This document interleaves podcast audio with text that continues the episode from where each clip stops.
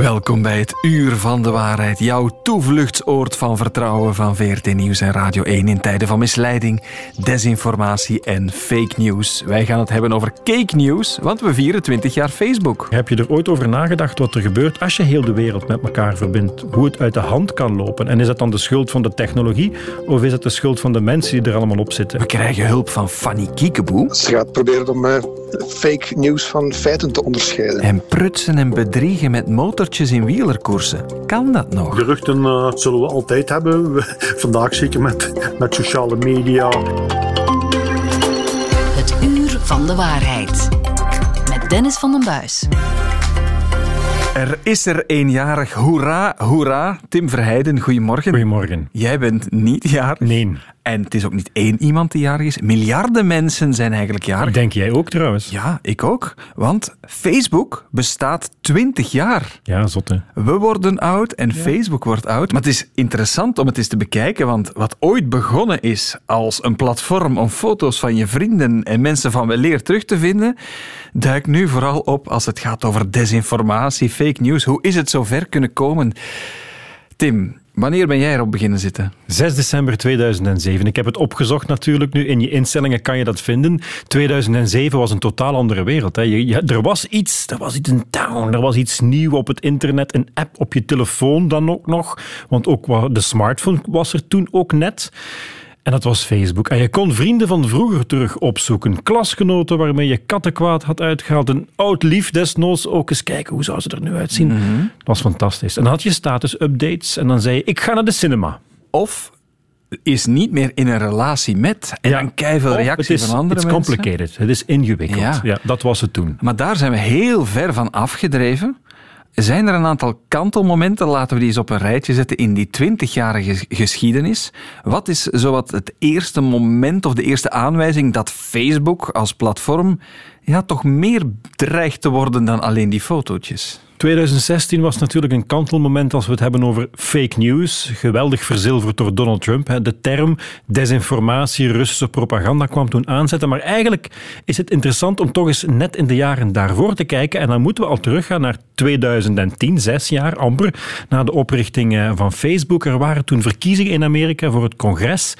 En op, uh, op vraag van een aantal onderzoekers werd er een experiment gedaan. Dus uh, als je gaat stemmen in Amerika, vaak zie je dan zo I vote, ik heb gestemd of I voted. Ze hebben dat gedaan op Facebook. Ze hebben uh, 61 miljoen mensen hebben een, een, een banner te zien gekregen, gekregen met een, een I voted badge op en informatie over de polls en over de kantoren waar je kon gaan stemmen, maar ook zagen ze foto's van hun vrienden die zijn gaan stemmen. Ze zagen wie was gaan wie stemmen. was gaan stemmen. Dat was een sociale boodschap, noemde men dat. Andere groepen, minder mensen, zo'n 600.000 al, kregen gewoon een grijze banner te zien met I voted en 600.000 mensen kregen niets te zien. En die onderzoekers hebben dan dat onderzoek gedaan en berekend dat 0,4% van de mensen die de sociale boodschap zag, dus de banner met de foto's, hadden eerst geen zin om te gaan stemmen, maar onder druk hè, van die banner. Ze, zien, ze zeggen, mijn vrienden zijn gaan stemmen, ik zal ook maar gaan. Nu zijn ze ook gaan stemmen. Nu zeg je, wat is dat? 0,4 procent. Dat waren uiteindelijk 60.000 mensen die na het zien van een online boodschap offline gedrag hebben vertoond door naar het stemhokje te gaan. 60.000 mensen. Als je weet dat, zoveel jaren later, Clinton versus Trump, dat het in sommige staten aankwam op een paar tienduizend stemmen, dan zie je dat Facebook een gigantisch wetenschappelijk experiment is. Want wie aan de knoppen zit, kan gedrag sturen. Ja, maar je spreekt van onderzoekers. Vanaf welk moment dringt dat ook door in de breinen van de mensen van Facebook, het huidige meta? Van we hebben hier wel echt iets in handen. Die mensen zitten onder meer bij Facebook. Het zijn zowel mensen van Facebook zelf als van de Universiteit van San Diego geweest. En nadien zijn er ook nog andere wetenschappers, twee jaar later, op de proppen gekomen met een ander idee, ook mee uitgevoerd door mensen van Facebook. Die zeiden van laten we eens kijken of emoties besmettelijk zijn. Of ze opnieuw hetzelfde experiment, maar dan op een andere manier kunnen doen. En effectief, 600.000 mensen kregen dan de ene week positieve boodschappen te zien. Mensen die zeiden, ik ben blij, een foto van een baby, van een katje. En de week nadien minder blije boodschappen. Mensen die uiten dat ze zich niet goed voelen. En effectief, in de ene periode werden er meer berichten in de positieve zin gepost. En de andere periode meer berichten in de negatieve zin Het gepost. algoritme had een invloed op, Op het hoe gedrag. wij de wereld bekeken en wat wij posten zelf. En hoe we ons voelen. Ja. Ja, toen al. En dat was nog allemaal voor de desinformatie. En dus zijn er dan mensen gekomen, hè, onder meer vanuit Rusland, maar iedereen die aan de slag gaat met propaganda op Facebook denkt van kijk, als je gedrag kan sturen met emoties, met banners, waarom doen we dat, dat niet met valse informatie, met fake news, met desinformatie? En vaak, hebben we hier ook al vaak verteld, is fake news of desinformatie emotioneel beladen, wekt Voilà. dat emoties los.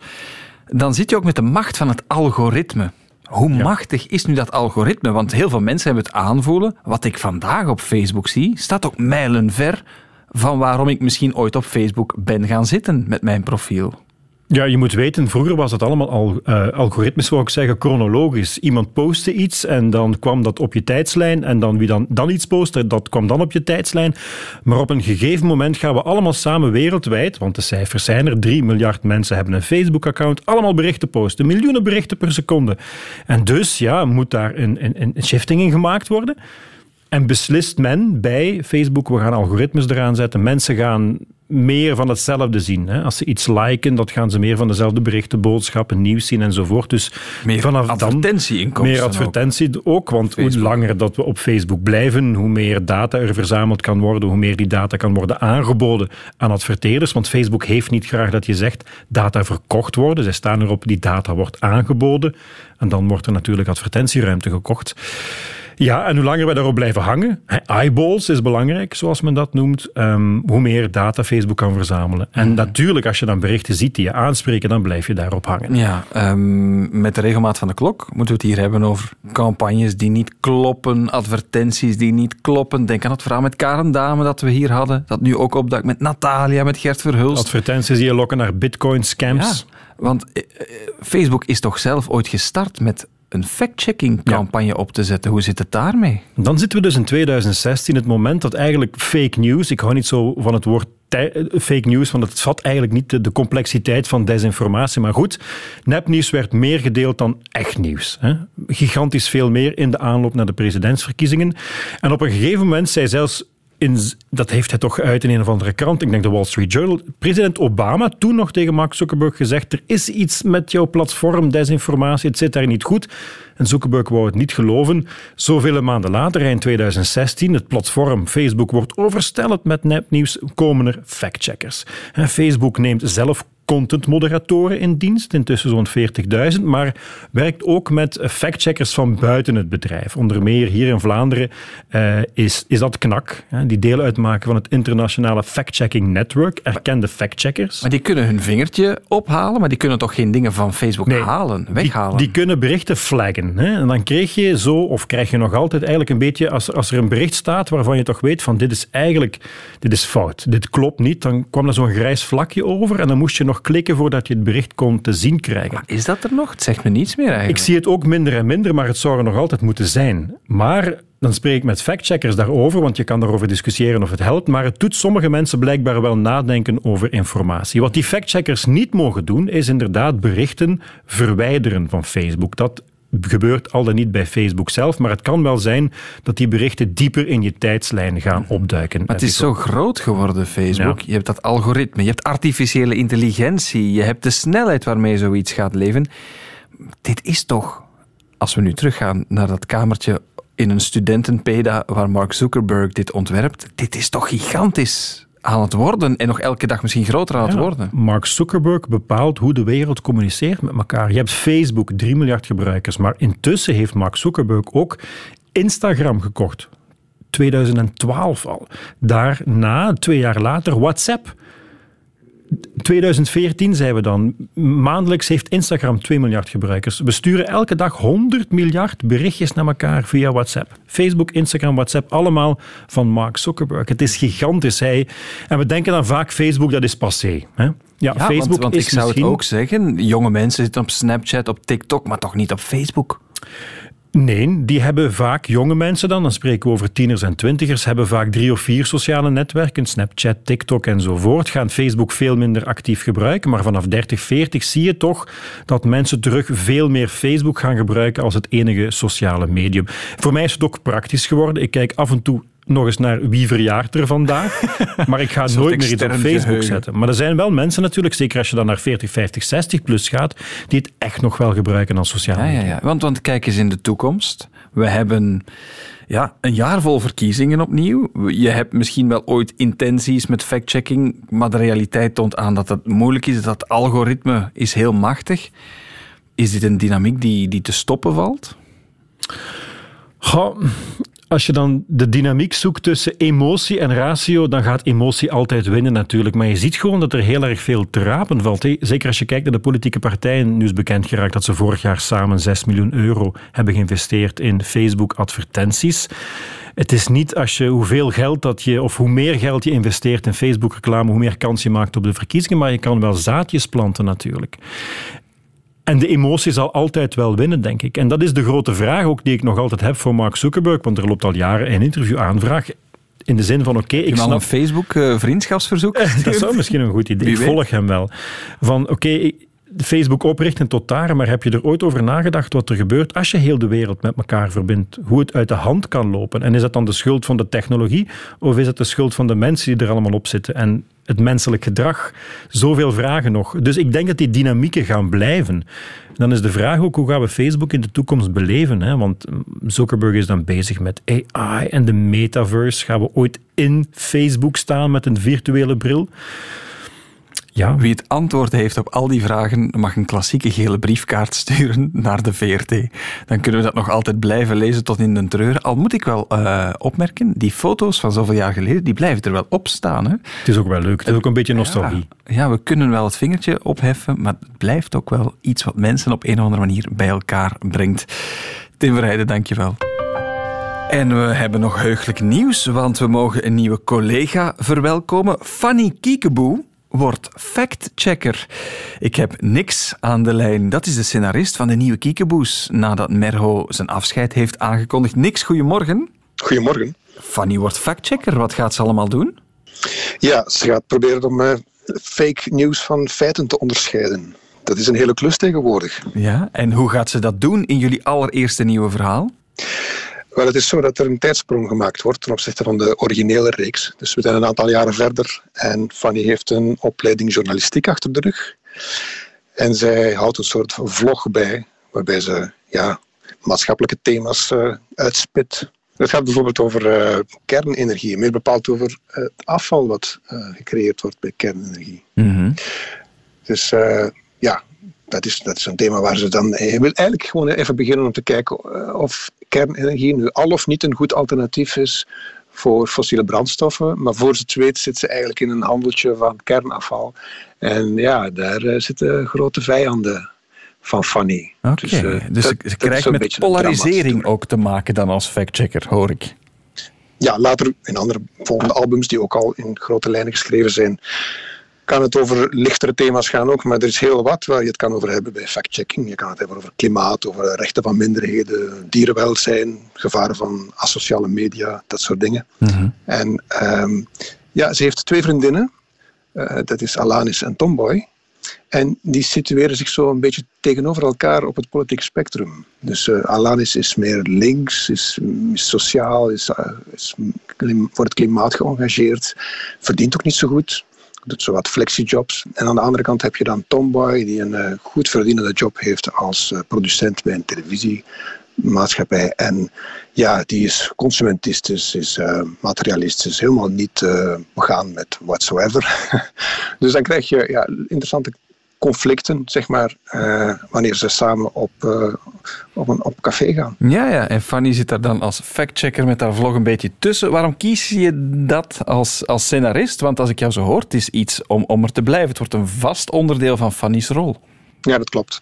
Ehm, omdat je als scenarist altijd op zoek bent naar conflict. En dat conflict bedoel ik niet als de term die wij kennen in het dagelijks leven, maar wel als scenaristische term. Dus ehm, dat is eigenlijk een soort hindernis waarmee de, de, de, protagonist of het hoofdpersonage minder makkelijk zijn dramatisch doel bereikt. Hè. Dat zijn allemaal heel dure woorden uit scenario-schrijverij. Maar dat betekent eigenlijk, ja, je bent op zoek naar dingen die, die ervoor zorgen dat het doel niet meteen bereikt wordt, want anders is er geen verhaal. Nee. En ja, voor Fanny is het een, mooie aanleiding om allerlei maatschappelijke thema's uit te spitten. En ja, dat was eigenlijk in de originele reeks bij Merro ook al zo. kwamen ook allerlei hedendaagse thema's aan bod. Het is eigenlijk, als ik jou zo hoor, een soort blik op de wereld om via de fact-checking de kiekeboes in aanraking te laten komen met heel veel grote thema's waar heel veel over te vertellen valt in alle richtingen. Mocht je trouwens nog inspiratie zoeken, niks, uh, heel onze website VRT Nieuws staat vol met correcte factchecks van onze factcheck-redactie. Dus dat is een bron aan scenario's voor de toekomst misschien. Wanneer is het nieuwe album uh, verkrijgbaar en hoe gaat het heten? Het is verkrijgbaar op 17 april en het heet Uranium 235. En daar kijken de oude en de nieuwe Funny Base naar uit. Niks, dankjewel. Dankjewel. Het uur van de waarheid. De VRT Nieuwscheck. Daar is hij weer, de man die feit van fictie onderscheidt. Zoals een boer met een riek dat doet van goedkoren en het kaf. Luc van Bakel, goedemorgen.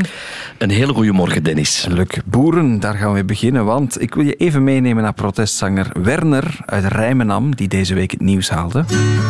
Wie werkt van smergens tot slot in het warm en in het koud.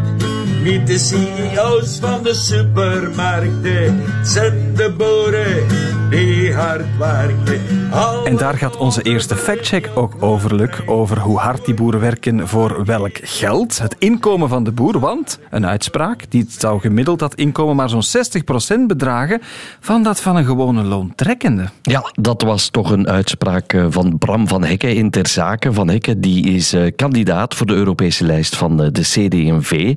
En hij meldde dus dat cijfer van 60 procent. Eh, het loon van een boer zou dus gemiddeld maar 60 procent zijn van dat van de gemiddelde Vlamingen. Ellen de Bakker van onze redactie die heeft bekeken of die uitspraak klopt en of het verschil echt zo groot is. Het is moeilijk om te vergelijken, want de landbouwsector is heel divers en het is moeilijk om landbouwers met loontrekkenden te vergelijken. Maar er is wel degelijk een kloof, want als we bijvoorbeeld enkel kijken naar de pure landbouw en bijvoorbeeld niet naar tuinbouw, dan ligt het percentage rond de 70 procent, eerder dan de 60 procent die vermeld werd. En daarom beschouwen we de uitspraak als eerder waar eerder waar. Het is geen 60, maar 70 procent. Dus moeten we zeggen, die uitspraak van Bram van Hekken. Ja, pa, nee, pa, ja, pa, Nee, ja. Ja, toch eerder waar. Er is wel degelijk een grote kloof, Luc. Ja. moeten we nuanceren? Ja, toch een beetje. Nog een paar zaken die toch belangrijk zijn om te melden. Het gaat hier om gemiddelde cijfers tussen 2012 en 2021.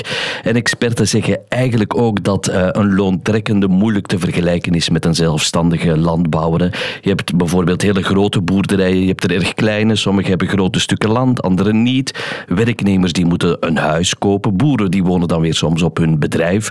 Dus eigenlijk is het ook een beetje appelen met peren vergelijken. Uh, maar louter op de gemiddelde inkomsten zit inderdaad dat grote verschil. Oké, goed. Uh, het kaf van het koren, letterlijk en figuurlijk hier gescheiden door jou.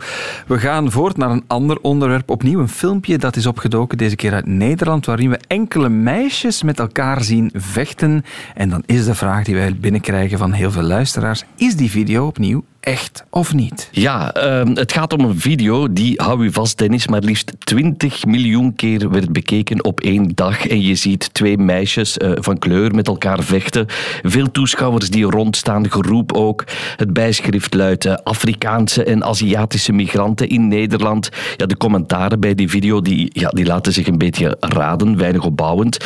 Maar de beelden die kloppen niet, Dennis. En Servaas de Fruit van Factcheck Vlaanderen die vertelt hoe hij dit heeft onderzocht. Ik heb enkele screenshots van de video genomen en die screenshots heb ik dan opgeladen in verschillende zoekmachines, zoals uh, Google Lens, uh, Yandex, dat is een Russische zoekmachine.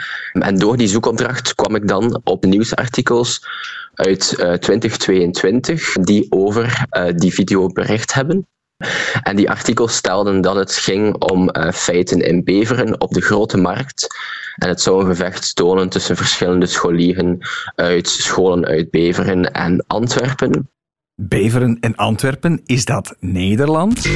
Nee, het zijn ook al beelden van enkele jaren geleden, maar ze, maar ze vechten wel natuurlijk, hè, Luc, die meisjes. Ja, ja, absoluut. Eh, ook VRT heeft daarover be- bericht toen eh, met een artikel op onze website. Het was eh, op de grote markt in Beveren tussen scholieren. Een aantal tieners die zijn toen meteen voor de jeugdrechter moeten verschijnen. Er zijn er ook een aantal een tijdje geschorst geweest op de school. Ja, het is dus wel echt een voorbeeld van hoe nieuws van bij ons geframed en misbruikt wordt in het buitenland. Ja, het is eigenlijk een video die heel populair is bij mensen die doelbewust nepnieuws eh, Want het is niet de eerste keer dat die viraal gaat. Vorig jaar bijvoorbeeld is die eh, enorm veel bekeken in India.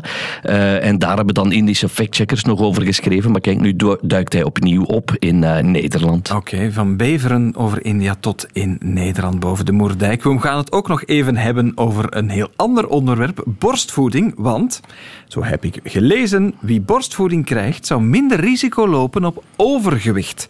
Wat is daarvan aan? Ja, het stond te lezen in een krant. Borstvoeding eh, wint eh, al jaren aan populariteit. Liefst 82% van de, ja, de nieuwe moeders die geeft borstvoeding. Het zou niet alleen gezonder zijn dan flesjesvoeding, maar er wordt dus ook beweerd dat het zou helpen tegen overgewicht. Maar is dat zo? Eh, Marleen Finoels, die is arts en factchecker bij Gezondheid en Wetenschap en die heeft daar enkele studies over opgezocht. Inderdaad, het is zo dat baby's die borstvoeding krijgen minder mollig zijn dan baby's die flesvoeding krijgen. En wanneer je start met eh, minder gewicht, dan word je ook minder, eh, heb je minder risico op overgewicht in de lagere school. Het is zo dat bij lagere schoolkinderen die borstvoeding kregen, dat, die, dat daar 30% minder obesitas en overgewicht voorkomt. Samengevat. Ja, borstvoeding helpt tegen overgewicht en nog een klein beetje, tot wel 30% minder kans. Dat is veel. Misschien een gedachte-experiment, Luc, maar geldt dat enkel voor zuigelingen en kinderen of ook voor volwassenen? Wel, het is eigenlijk enkel bij kinderen, eh, Dennis, dat er een verschil eh, te merken is. Want eens je groter wordt en, en pakweg naar eh, de middelbare school gaat of in je verdere leven, ja, dan zijn er heel wat andere factoren die meespelen bij je gewicht. De Sport en voeding enzovoort. Oké, ja, het is ook niet de meest gemakkelijke fase in het leven om nog aan borstvoeding te zitten natuurlijk als je studeert en gaat sporten. Luc, waar kunnen we alles nalezen? Wel, al deze artikelen en de bijhorende bronnen voor die factchecks die kun je terugvinden op eh, 14nieuws.be of op de website van de checkers.be. En daar vind je dan weer een verzameling van heel wat factchecks uit Vlaanderen en Nederland. Luc, graag tot volgende week. Graag gedaan. Hoe zit het nog met motortjes in fietsen? Je kan het je afvragen, want op dit eigenste moment vindt in Tabor in Tsjechië het WK veldrijden plaats. En exact acht jaar geleden op dat WK werd de Vlaamse crosser Femke van den Driessen betrapt met een motortje in de fiets. En de collega's van Sportza voor hun podcast Fischebak, die hebben gisteren een nieuwe aflevering gelanceerd. En daarin zijn ze Femke opnieuw gaan opzoeken. Hey, dag Femke. Ja, zeg het eens. Kende mij nog? Oh, van gezicht, ja. En daar stond ze dan toch? Ja, tot onze grote verbazing. Ze kwam met ons praten. Komt er een dag waarop dat je het echte verhaal gaat vertellen of een ander verhaal of... of... Hoe dat Want er blijven... verhaal, Er blijven Ik denk dat bijvoorbeeld- verhaal Chris- is, Chris als- heb ik al 10.000 keer gezegd in 2016. Ja. Ik bij dat ik altijd al hetzelfde verhaal heb verteld en ik bij dat het daar altijd bij blijft. Vreemd verhaal. Eh, de fiets droeg de naam van Femke van den Driessen, maar was dan van iemand uit haar entourage. Dat hele verhaal kan je in de Sportza-podcast Fischebak herbeluisteren. Maar wij vroegen ons af, die controles op motortjes, hoe vaak gebeuren die nog? Wie voert ze uit? Wie loopt er tegen de lamp? Ik ga erover spreken met iemand die er alles over weet. Met de man die als UCI-commissaris Femke van den Driessen betrapte met een motortje. Luc Gijzen, goedemorgen. Goedemorgen. Luc, ehm, sindsdien, hoeveel fietsen heb je ongeveer gecontroleerd op mechanische doping, zoals dat heet? Goh, dat zijn er, eh, dat zijn er heel veel. eh. ik, heb, eh, ik heb een paar jaar in de Ronde van Frankrijk ook de controles gedaan. En daar kwam ik uit met gemiddeld tussen de 4 en de 5000 controles. Alleen tijdens de Tour. Dus ja, dat gaat wel over verschillende eh, tienduizenden. Ja, tienduizenden. We hebben ook nog cijfers van de UCI opgevraagd. Die hebben ons verteld dat ze in 2023 4280 controles hebben gedaan. En, zeiden ze daarbij vanuit Zwitserland, met magnetische tablets en ook met X-ray-stralen. Wil je ons eens meenemen, Luc, naar een dag in het veld of op de wielerkoers? Wat doe jij? Hoe ga jij te werk? Ja, dus wij komen aan ehm, op de wedstrijd en ehm, ja, wij bevinden ons eh, bijvoorbeeld op een gewone wedstrijd. Uh, gaan we naar de ploegwagens, de, de parking en we gaan de fietsen de, controleren die, uh, ja, die, dan, die dag gebruikt worden in, in de wedstrijd. Mhm. ook de reservefietsen controleren we heel dikwijls. hè. En hoe gaat dat dan? Want je zegt ik loop met een tablet rond. Wat doet dat ding? De, de, tablet, op het moment dat ik een fiets uh, controleer, dan maak ik eerst een foto met de, tablet van, uh, van de fiets. Um, en dan starten we de proceduren op van het controleren op basis van het magnetische gebeuren. En dan kijken we natuurlijk op, het, op het frame en de vork en in de wielen. Um, gaan we met de tablet er langs. En dan zien we dus het resultaat van uh, ja, wat dat magnetisch veld uh, oplevert. En, uh, en bij een gewone fiets is dat vrij overal hetzelfde, kan ik me voorstellen. En je hoopt dan kabels te ontdekken of, of extra verzwaarde metalen of motortjes. Dat, dat kan zo'n magnetische tablet dan? Ja, ja, we zien zowel kabels als batterijen als, als motors. Natuurlijk, eh, de, de weerstand van, van een motor die zal hoger zijn als van een, van een batterij. Ja. en dan zien we eigenlijk ook een, op, een, op een grafiek zien we onmiddellijk uh, uh, een, een hoogte van waarde en ook een, een, een in de breedte van uh, hoe groot, hoe groot het, het veld is. Hè. Dus Mhm. we zien ook een schroef bijvoorbeeld. Maar ja, een schroef is natuurlijk wel uh, heel klein. Zo'n klein motortjes bestaan er niet. En op basis van, uh, van die gegevens uh, ja, kunnen, we, kunnen we zien of we een verdacht uh, iets hebben. Een en motortje komt, moet komt dat vaak voor? Want tienduizenden fietsen op uh, al die jaren. Hoe vaak gaat het uh, magnetisch alarm af? Ja, tot nu toe is, is nog maar één, één fiets getrapeerd op die, op die jaren. Dat is Femke van den Driessen geweest. Dat was inderdaad toen. Ja. En heeft het dan, ja, heb je dan nog wel goede moed of vergoesting in als je al 10.000 keer hetzelfde hebt vastgesteld? Het is goed nieuws voor de wielersport, maar voor jou ja. moet er ook iets in zitten misschien. Nee, nee, dat zit er ook in. Hè? De bedoeling is juist dat uh, wij houden allemaal van de wielersport. En uh, het is uh, voor ons, maar ook voor de UCI, doen we al het mogelijke aan om, om een zo eerlijk mogelijk resultaat te krijgen. Mhm. En daardoor doen we dus de controles dat er ook wel zeker de winnaars ook wel verdiend zijn die op het podium staan. Ja. we controleren dan ook meestal ook nog het podium en, en enkele renders per lottrekking. En, en wat we ook doen is natuurlijk in grote wedstrijden dat een bepaalde commissaris ons informatie kan geven. Als hij iets raar heeft ontdekt uh, tijdens een wedstrijd, uh, dan kunnen we ook uh, die renner of die fiets eh, gaan controleren. Ja, jij bent de man met de tablet die ze dan eh, goed kennen. Al heb ik in dat communiqué van de UCI ook eh, vernomen, er worden ook doorlichtingen gedaan met X-ray technologie. Hoe zit dat? Ja, dus we hebben ook een X-ray. We hebben heel lang, daar zijn we eigenlijk de eerste ook al met begonnen in 2010 in de, de Tour de France. Uh, maar een X-ray, dat is eigenlijk, we hebben dat lang gewerkt met een, een soort remork, een aanhangwagen, waar een X-ray in, in opgesteld was. Hè, die ook natuurlijk goed moet beveiligd zijn voor, voor de omgeving. Later hebben we eigenlijk een soort remork gemaakt die in een tent staat. En nu al een paar jaar werken we dus met, met de mobiele röntgentechnologie, um, die eigenlijk heel goed te hanteren is met de hand. En kunnen we natuurlijk ons heel goed verplaatsen. Een handscanner, want wat ziet die X-ray wat je met je tablet niet kan zien? Ja, met de tablet zien wij eigenlijk de resultaten op basis van cijfers en grafieken bij de X-ray, bij röntgen, ja, kunt je je voorstellen dat is like bij de douane of like bij de dokter. Als je een foto gaat maken, zien we inderdaad uh, de beelden. Ja, maar dus we nog, zien dus nog een nooit of iets schroef, positief ge gezien. Of toch al verdachte dingen, maar die dan iets anders bleken te zijn? Ja, je, je komt wel eens ooit iets tegen waar je, waar je wat dieper moet gaan inkijken. Uh, maar op het moment dat we dat we echt twijfelen, uh, dan uh, hebben we het recht en dan doen we dat ook uh, om de fiets te demonteren. Ah, ja, dan wordt er effectief met hamer en bijtel, of nog beter met een schroevendraaier, wordt alles uit elkaar gehaald. Dat gebeurt nog altijd. Meestal gebruiken we daarvoor de, de, de mechanieker van de, van de ploeg zelf. Hè. Dat mm we zelf niet, uh, niet gaan doen. Dat alles inderdaad op een, op een technische goede manier en een veilige manier kan gebeuren. Ja, maar ondanks al die controles en het feit dat er nog nooit, behalve dat ene geval, iemand tegen de lamp is gelopen, blijft het wel elke keer als er een verdacht snelle demarrage gebeurt, zoals die van Sepp in de Vuelta, of er blijft een wiel toch wel heel lang draaien als er een renner op de grond ligt, dan zijn daar opnieuw geruchten van, ja, daar zit toch iets in. Een soort ja, versterker waardoor ze voor extra watt kunnen trappen.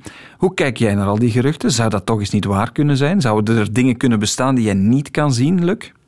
Maar dat weet ik niet. Hè. Ik bedoel, geruchten uh, zullen we altijd hebben. vandaag zeker met, met sociale media uh, heb je altijd mensen die uh, bepaalde dingen zien die er misschien niet zijn of misschien wel zijn.